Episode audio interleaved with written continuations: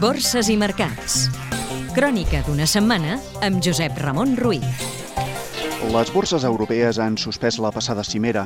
Els inversors han optat per les vendes perquè no creuen que Europa pugui solucionar l'actual crisi de deute sobirà enmig de la divisió política i la falta tant de compromisos per aprovar més diners com per mesures urgents per fer-hi front.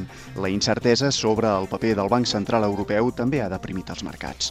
A més, les agències qualificadores nord-americanes Standard Poor's, Fitch i Moody's, molt crítiques amb els acords europeus, han posat més pals a les rodes amb noves amenances baixes i retallades de rèntings.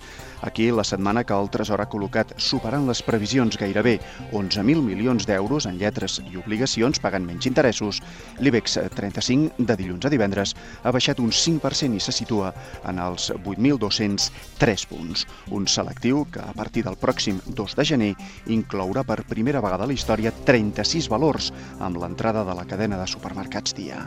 També en l'àmbit empresarial destaca la decisió de Telefònica de reduir reduir els seus dividends pel 2012 i el 2013 i l'acord televisiu de fusió entre Antena 3 i la Sexta.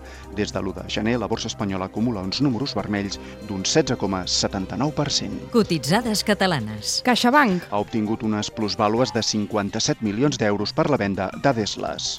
Vueling. L'aerolínia de baix cost ha incrementat en un 76,5% la taxa d'ocupació al novembre, un augment d'un 6% del número de passatgers. Indo. El grup òptic ven la seva filial xilena a la societat Megalux. L'euro. En zona de mínims anuals s'ha afablit davant de la divisa nord-americana, arrossegat sobretot pel reiterat no de la cancellera alemanya Angela Merkel a ampliar el futur fons de rescat europeu. Aquest divendres el Banc Central Europeu n'ha fixat el seu canvi oficial a 1,3064 dòlars. El petroli. El preu del barril de petroli Brent, el de referència a Europa per a fixar el cost dels combustibles, s'ha abaratit al voltant dels 105 dòlars de mitjana, després que per l'efecte de la crisi l'Agència l'Agència Internacional de l'Energia ha rebaixat la seva previsió de la demanda mundial de cru pels pròxims 3 anys. Vocabulari financer. Què és l'admissió a negociació? Es tracta del procés pel qual han de passar tots els valors abans de poder cotitzar en borsa.